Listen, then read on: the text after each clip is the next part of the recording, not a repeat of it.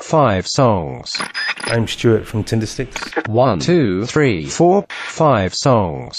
One, But we promised to be honest. Around when I was maybe 12, 13 years old, and it was a disco song, or even though it's a ballad, it was in the disco kind of scene. two, I've been loving you. But before that, my sister, who's a year older than me, she's um, she was um, an, in, into Northern Soul. three, I was dressed for success.